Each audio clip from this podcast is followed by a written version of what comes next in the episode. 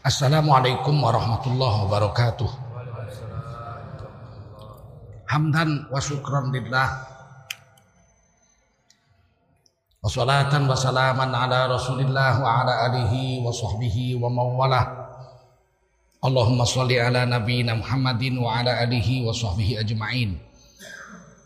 Amma ba'du qala Ta'ala fi kitabihil karim أعوذ بالله من الشيطان الرجيم.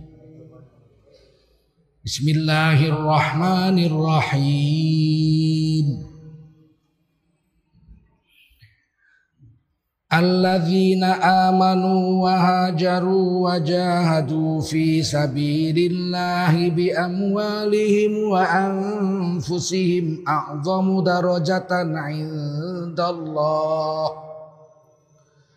Wa ulaika humul faizun. Qala rasulullah sallallahu alaihi wasallam man kharaja fi talabil ilmi fahuwa fi sabilillahi hatta yarji. Baginda rasul bersabda siapa keluar untuk mendapatkan ilmu orang itu adalah orang yang berjihad fi sabilillah sampai dia kembali ke tempatnya Mudah-mudahan kita semua mendapatkan pahala jihad dari Allah Subhanahu wa taala. Amin. Sadaqallahul azim. Wa sadaqa rasuluhun nabiyul karim. Wa nahnu ala dzalika minasy syahidin wasyakirin. Walhamdulillahi rabbil alamin. Para ulama, tuan-tuan guru yang mulia, Oh bapak, ibu-ibu, ada anakku sekalian yang dimuliakan Allah SWT.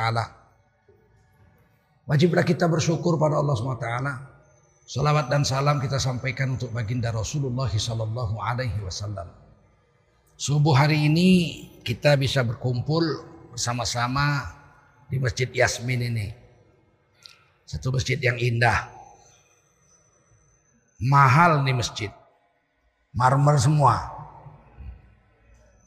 Oleh karena itu kita harusnya semakin semangat untuk memakmurkan masjid ini. Dulu masjid ini kecil ini. Ya, saya pernah ceramah di sini dulu sekali mungkin sekitar 27 tahun yang lalu mungkin. Baru terakhir tahun lalu di halaman situ, di jalan. Sekarang sudah begini megah, mudah-mudahan kita bisa menjaganya dan istiqomah untuk memakmurkannya. Amin.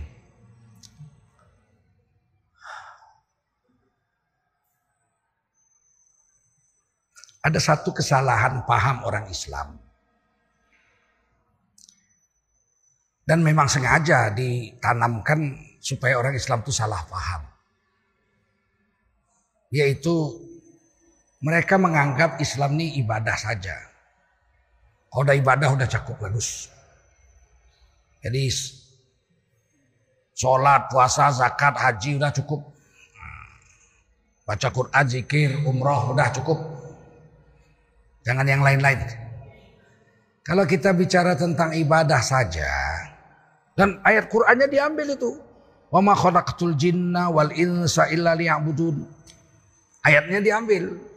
Dan tidaklah aku ciptakan jin dan manusia kecuali hanya untuk mengabdikan diri kepadaku. Ini kita disuruh ibadah. Padahal di situ maksudnya illa liya'budun kecuali untuk menghambakan diri kepadaku, begitu maksudnya. Bukan hanya nyembah. Artinya seluruh gerak gerak langkah kita ini harus ikut aturannya Allah. Apalagi ada ayat lain, ini sekarang disempitkan aja, udah ibadah aja. Kita diutus ke dunia untuk ibadah. Keliru. So itu ayat 55. Ada ayat sebelumnya ayat 54.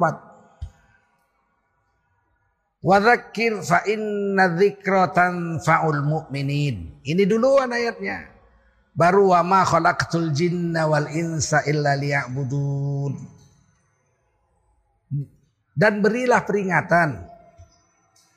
Karena peringatan itu bermanfaat untuk orang beriman. Itu dulu ayatnya. Baru dan tidaklah kami ciptakan, aku ciptakan jin dan manusia kecuali untuk menyembah aku. berbakti menghambakan diri kepadaku. Itu ayat dua jangan dipisah, jangan dibuang satu. Islam itu nomor satu adalah dakwah. Ngajak orang taat. Baru ibadah. Ibadah itu nomor dua. Tidak ada ibadah kalau nggak ada dakwah. Kita aja sholat subuh ada azan dulu. Betul? Betul nggak? Nah, ada dakwah ngajak. Hayya ala sholat. Mari sini. Sholat di sini. Jangan sholat di sana, jangan sholat di sana, jangan sholat di sana. Sini. Hayya. Hayya itu bahasa Arab artinya sini. Mari sini. Ini bukan bahasa Cina. Kalau bahasa Cina, hayya. Itu lain artinya, lain. Ini bahasa Arab. Hayya ala sholat. Sini, sini. Di tempat saya berdiri ini. Kalau mau sukses. Hayya ala falah. Kalau mau sholat sini, sini. Jangan di sana, jangan di sana, jangan di sana. Jangan di rumahmu, jangan di warungmu, jangan di mana-mana. Sini. Dakwah dulu. Yang azan pun belum sholat juga. Yang azan kan belum sholat juga. Setelah azan orang datang baru sama-sama ibadah. Baru dalam ibadahnya ngaku Islam. Inna salati wa nusuki wa mahyaya wa mamati lillahi rabbil alamin. La syarikalah. Wa bidzalika umirtu. Wa ana minal muslimin. Sesungguhnya sholatku, ibadahku, hidupku dan matiku milik Allah Tuhan semesta alam. Tidak ada syarikat baginya dan begitulah aku diperintah dan aku adalah salah satu dari orang-orang yang Islam menyerah diri dengan hukum-hukum Allah. Ngaku Islamnya itu nomor tiga. Dakwah dulu azan, datang ibadah, baru ngaku Islam. Sekarang kan terbalik nih, ngaku Islam. Demo, tukakkan Islam, tukakkan Islam, tapi nggak sholat zuhur. Ibadahnya nggak entah ke mana, ngajak orangnya entah ke mana. Hari ini, ini dirusak nih. Yang penting ibadah, yang penting ibadah. Mana ada ibadah kalau nggak ada dakwah? Mau naik haji aja 20 tahun.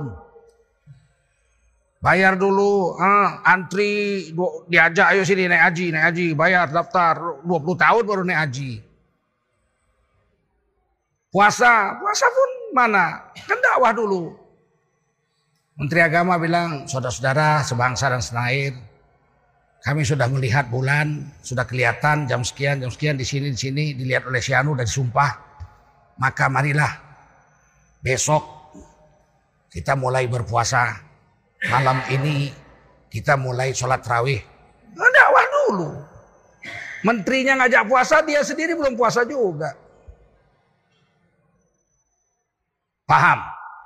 Hari ini dibalik, kita ngajak orang, kau bereskan dulu dirimu.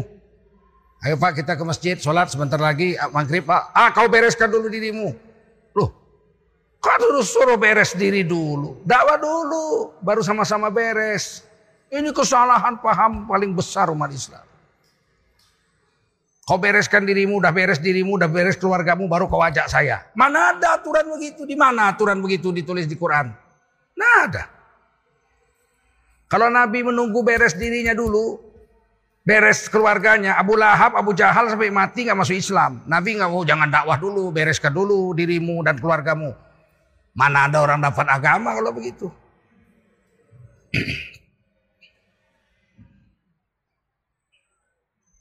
Dan kalau kita buat tertib seperti itu, bereskan dirimu dulu, baru kau ajak orang. Ini hancur agama kalau begini.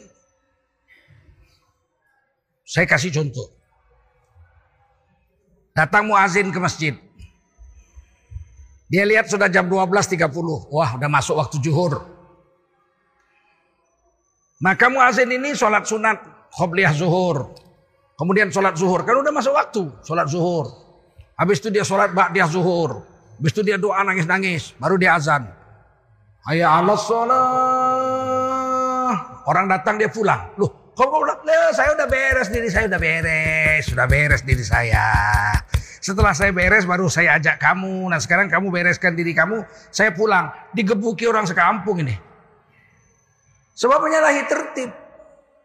Tertib yang Allah bilang dakwah dulu. Badakir beri peringatan.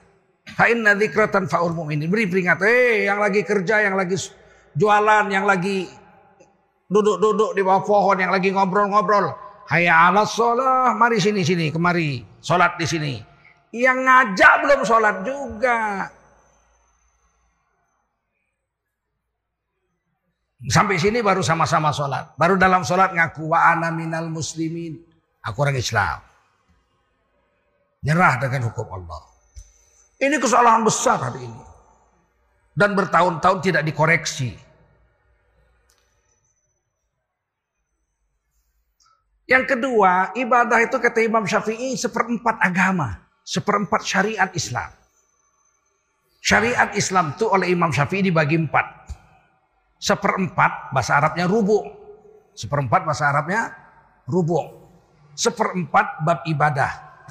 Mulai dari bab air, jenis-jenis air, cara berwudu, cara mandi, istinja, hmm, hadas kecil, hadas besar, sholat, syarat-syarat sholat, rukun-rukun sholat, terus puasa, zakat, haji, sampai mati. Itu ibadah semua. Bagaimana menguburkan orang mati? Apa fardu kifayah untuk orang mati? Bagaimana bentuk kain kapannya? Air apa yang bisa dipakai untuk memandikan jenazah? Oh, itu semua disebut bab ibadah. Lengkap.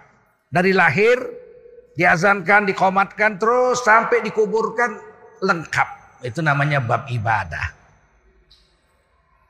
Yang kedua, seperempat lagi disebut bab muamalat. Bab muamalat. Interaksi sosial antara manusia. Apa itu? Jual beli, utang piutang, gadai menggadai, pinjam meminjam, tukar menukar, ha? Sewa menyewa. Ini disebut bermuamalat. Termasuk politik, bab siasah di situ.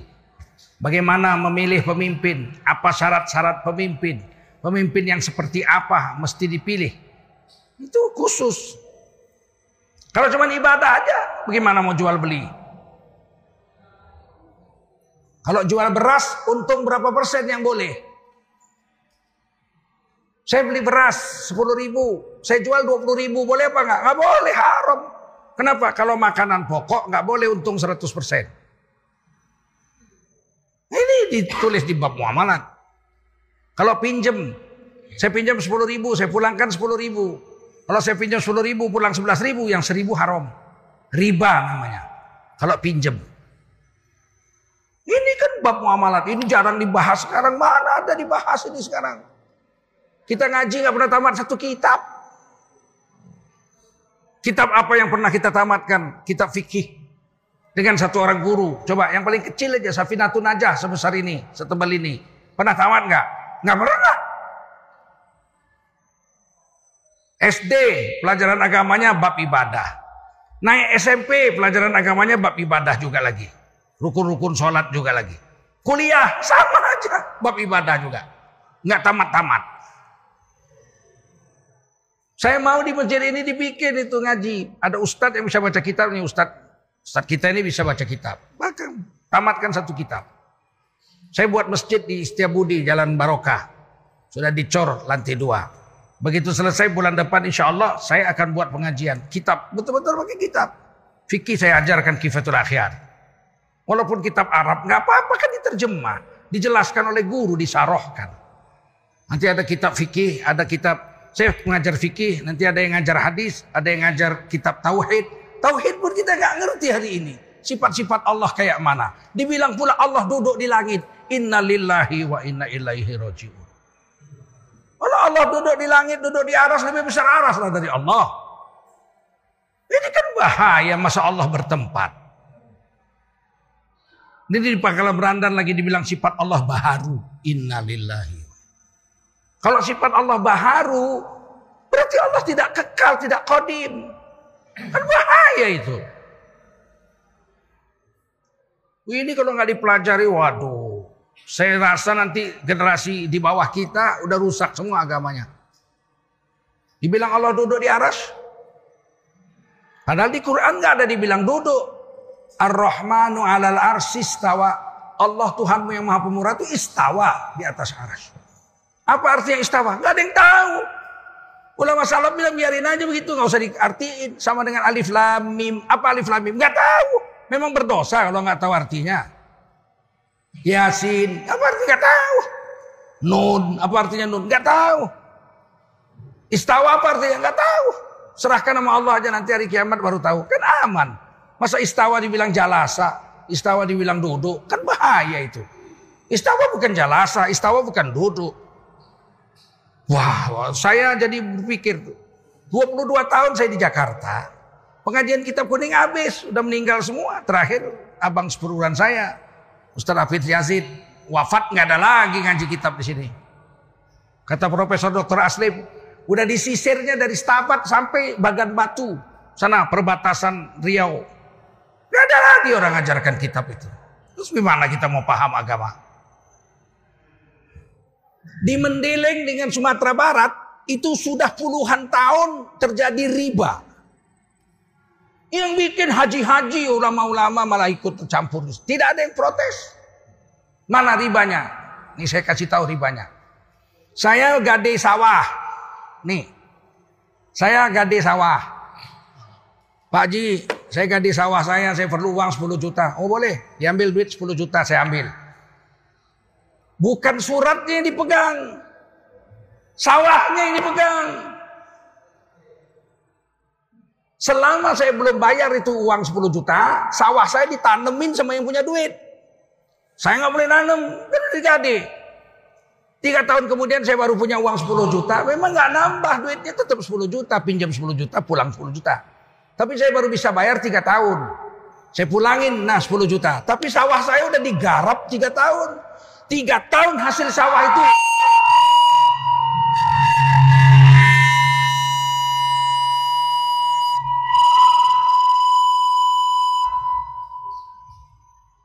Tiga tahun, kenapa harus kuat-kuat? Jangan kuat-kuat.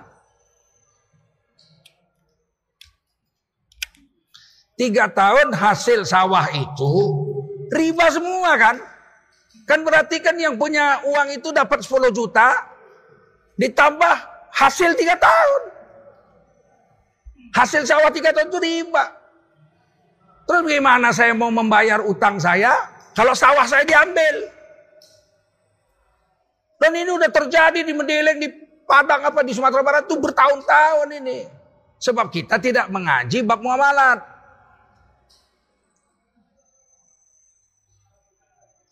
Jual beli. Jual beli kalau tidak cash, mesti ditulis. Kalau jual beli cash nggak usah ditulis. Ini berapa harganya? 10 ribu. Nah, saya ambil bawa pulang. Selesai. Tapi kalau ini berapa harganya? 10 ribu. Bulan depan saya bayar ya, tapi barang saya ambil sekarang. Oke, ambil barangnya. Tapi belum bayar. Bulan depan baru bayar. Tulis. Itu Quran yang bilang itu. Surah Baqarah 282. Idza tadayantum bidainin ila ajalim musamma faktubu. Hei kamu orang beriman ya ayyuhalladzina amanu hei kamu orang beriman. Kalau kamu bertransaksi tidak tunai bertangguh pakai waktu faktubu mesti kau tulis perjanjiannya. Jika kau tak bisa menulis, cari tukang tulis. Ah, katib Bayangkan 1400 tahun yang lalu Islam sudah mengajarkan notaris. Ada notaris, ada tukang tulis. Waktu itu Eropa masih buta huruf. Tahun 600 Eropa belum bisa nulis.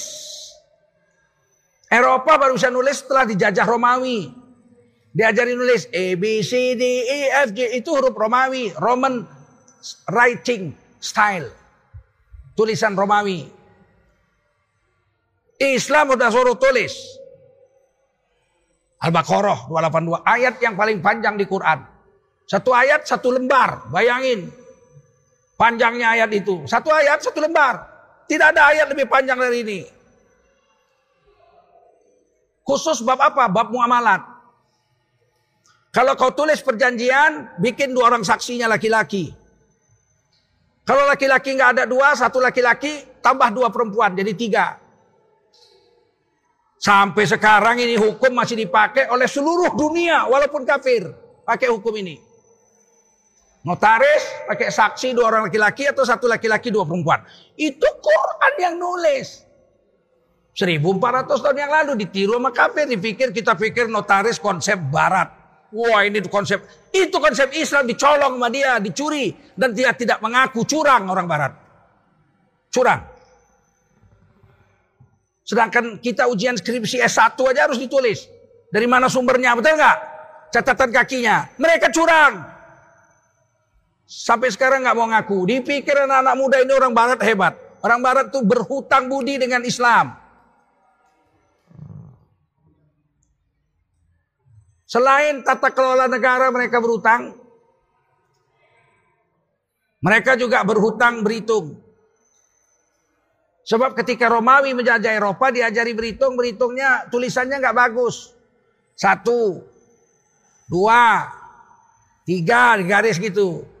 4 1 V, 5 V, 6 V 1, 7 V 1 1, 8 V 1 1 1, 9 kali 1 di sebelahnya, 10 kali. Bikin 30 kali kali kali kayak pagar rumah orang kampung. Kenapa? Siapa itu? Eh,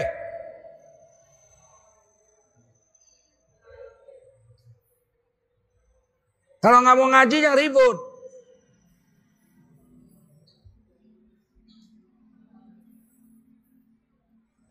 Datang orang Islam diajari nol. Jadi yang membawa huruf nol ke barat itu orang Islam. Satu, dua, tiga, empat, lima, enam, tujuh, delapan, sembilan, nol. Jadi kalau bikin sepuluh, satu, nol. Seratus, satu, nol, nol. 1100. Alangkah susahnya kalau nggak ada nol kayak Romawi. Sampai sekarang masih dipakai orang barat. Teori penulisan itu. Meskipun ditukarnya satu duanya begini. Tapi titik nolnya itu datangnya dari Islam. Mereka berutang budi tapi nggak mau ngaku. Curang orang barat. Teori logaritma. Logaritma itu dari Islam. Geometri dari Islam. Aljabra, Aljabar itu dari Islam. Tapi mereka curang, tidak mengaku. Nah bab muamalat ini perlu. Nabi itu sebelum jadi nabi sudah dagang. Umur 25 tahun nabi sudah dagang. Belum jadi nabi. Tapi cara nabi dagang sudah diajari Allah. Namanya mudorobah bagi hasil. Barangnya barang Ibu Khadijah, yang jual Nabi, yang beli orang Syam. Jadi ada segitiga. Punya barang, tidak jual. Ada penjual, dapat jualah, dapat upah. Bagi hasil. Keuntungannya berapa, bagi berapa. Berapa persen tuh yang punya barang, berapa persen tuh yang jual. Yang beli orang Syam. Ini sistem muamalat Islam. Nggak ada riba. Ada sistem murabahah. Jual beli. Tidak cash. Karena jual beli nggak cash bikin tulis surat. Dan harganya naik. Oh mungkin pula cicil setahun harganya sama dengan cash. Matilah pedagang. Ini harganya berapa pak? 10 ribu. Saya cicil 3 tahun pak. Harganya berapa? 15 ribu. Wah mahal mana bisa itu riba? Enggak. Kalau jual beli tidak riba. Dihalalkan Allah. Wa ahallallahul bai'a. Allah menghalalkan ambil untung dari jalan jual beli. Wa harramar riba. Tapi kalau ambil untung dari riba, nih kau pinjam 10 ribu, pulangkan 11 ribu. Haram. Tapi kalau dari untung, halal. Mana mungkin cash dengan kredit sama? Kalau sama matilah pedagang. Betul gak? Mesti beda. Dan Allah menghalalkannya ditulis di Quran wa halallahul. Allah menghalalkan ambil untung dari jalan jual jual beli. Nah, makanya bank-bank Islam sekarang mengikuti cara Nabi. Jual beli bukan utang, nggak ada utang, mana ada utang. Saya datang ke bank, saya mau utang pak, bank syariah. Mana ada, bank syariah nggak mengutangi duit. Kalau utang kordon Hasan sama, utang 10 ribu pulang 10 ribu. Sedikit. Saya di Bank Riau, pengawas syariah di sana. Tiga tahun yang lalu kami menghutangkan 1,3 miliar. Padahal aset kami 2 triliun.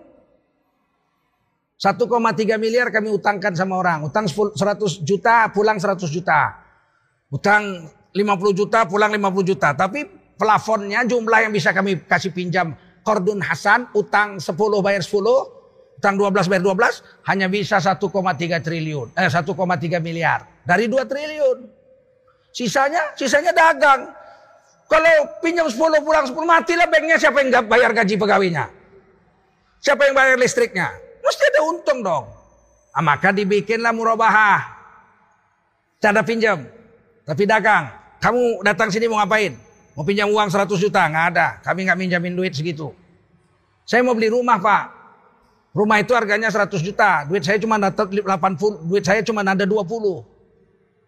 Ah, saya mau minta sama bapak supaya, ah oke, okay. mana duitmu 20? Taruh sini, nih 20. Ah, ini duit kami 80. Nah, 100 sekarang kan? Ya, sekarang kau beli itu rumah. Salam kita. Saya wakilkan kepadamu untuk membeli rumah itu. 20 duitmu, 80 duit bank. Dibeli. Dah dibawa suratnya, ini suratnya pak. Rumah udah sama kita. Ah.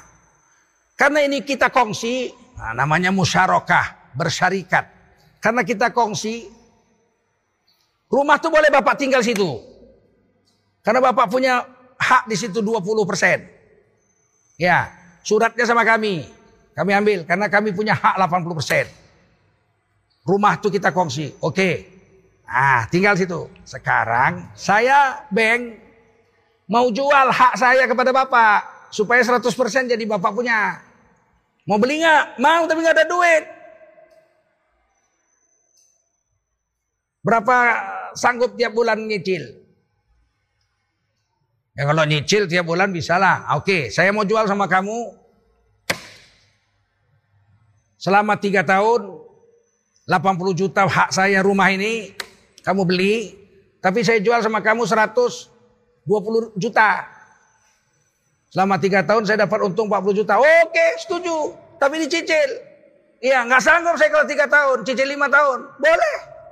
Lima tahun kali 12, 60 bulan. Ah, saya jual sama kamu ini 140, 140 juta, cicil 60 kali. Dibagilah 140 juta bagi 60. Setiap bulan sekian. Oke, okay? nggak ada urusan dengan bunga bank. Mau bunga bank naik, krisis moneter nggak ada urusan. Kita jual beli. Baru jalan dua tahun setengah, dia sakit stroke.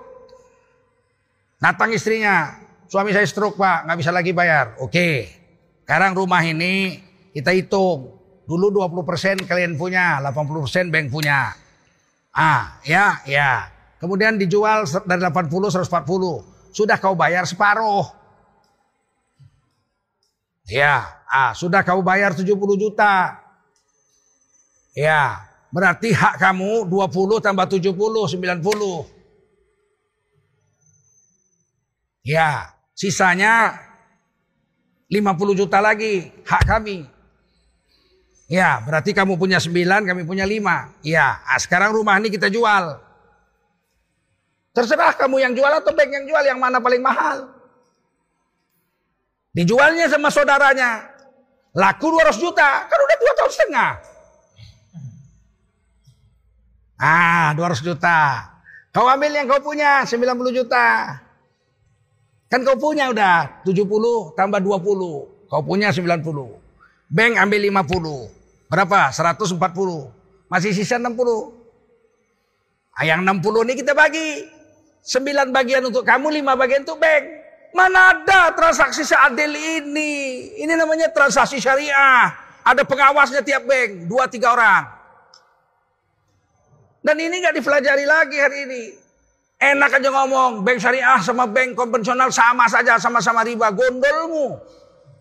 Susah payah Majelis Ulama Indonesia membuat fatwa sampai 120 fatwa. Tentang produk-produk bank syariah. Kau bilang sama saja. Kan sama-sama bertambah. Yang satu bertambah lewat riba, pinjam uang sekian, bayar sekian. Yang satu bertambah lewat transaksi dagang. Wa halallahul bai'a. Allah menghalalkan jual beli. Wa harrama riba. Allah mengharamkan riba. Walaupun sama-sama dapat untung. Bagaimana ini? Karena kita nggak ngaji, seenaknya aja kita menyalahkan yang hak. Setengah mati bank syariah berdiri, hak dis disalahkan. Yang batil dibela-bela. Yang jelas-jelas riba dibela-bela.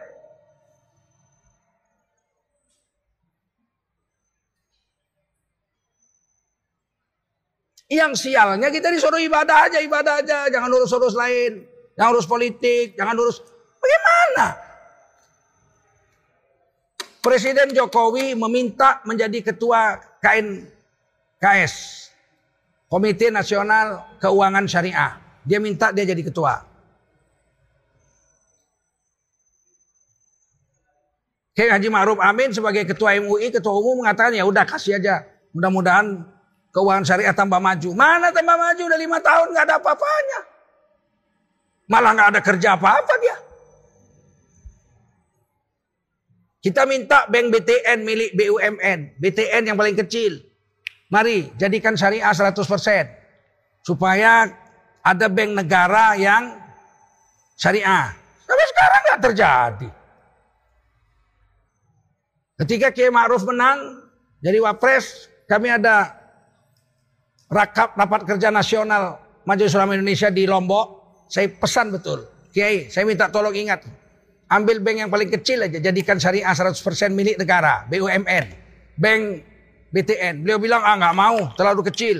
Kami mau bikin bank baru, syariah yang besar. Nah, sampai sekarang belum ada gerakan apa pun belum. Jangankan Wacana aja belum sampai sekarang.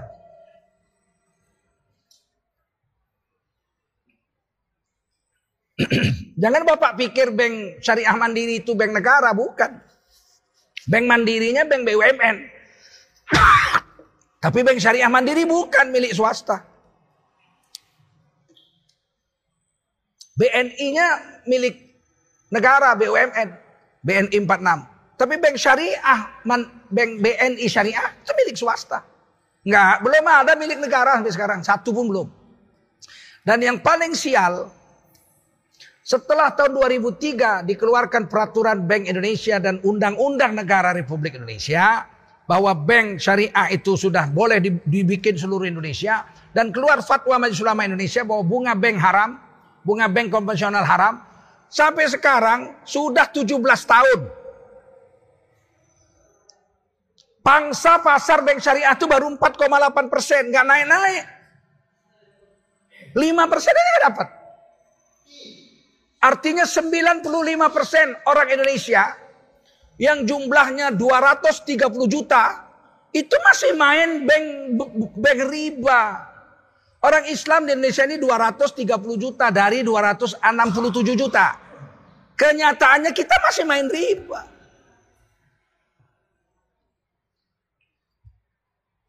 Bagaimana? Karena kita nggak belajar.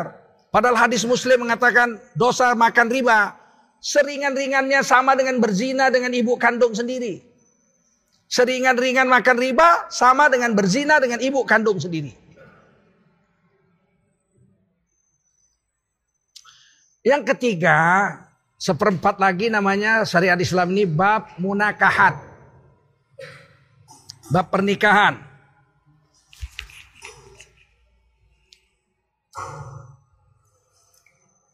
Bab munakahat nikah, talak, rujuk, nikah yang halal, nikah yang tidak sah, bagaimana syarat rukun nikah? Ada nikah yang tidak halal, ada nikah mut'ah. Tanpa wali, tanpa saksi. Susi, saya om, saya nikahi kamu malam ini sampai ajan subuh besok, maharnya satu juta, Allah walinya, kiraman katibin saksinya. Ini kan nikah gila namanya. Tapi ada nikah mut'ah itu dilakukan oleh orang-orang Syiah. Dan gak ada idah. Gak ada idah. Dia nikah mut'ah malam ini. Malam minggu depan nikah lagi. Malam minggu depan nikah lagi. Satu tahun bisa 52 lakinya. 10 tahun 520 lakinya, jijiknya kita dengar kayak gitu. Dan kita gak belajar, mana belajar kita, mana tahu kita. Jangan-jangan yang duduk di sini udah pernah ditawari nikah mut'ah pula. Hah. Daripada jinah bagus nikah mut'ah. Dan nikah mut'ah jinah juga. Karena pernikahannya tidak sah. Mana kita pelajari ini sekarang? Berapa banyak anak-anak muda kita kena nikah mut'ah ini? Daripada zina, bagus nikah diam-diam, nikah mut'ah. Apa? Ada lagi nikah siri, nikah rahasia. Nikah kok rahasia?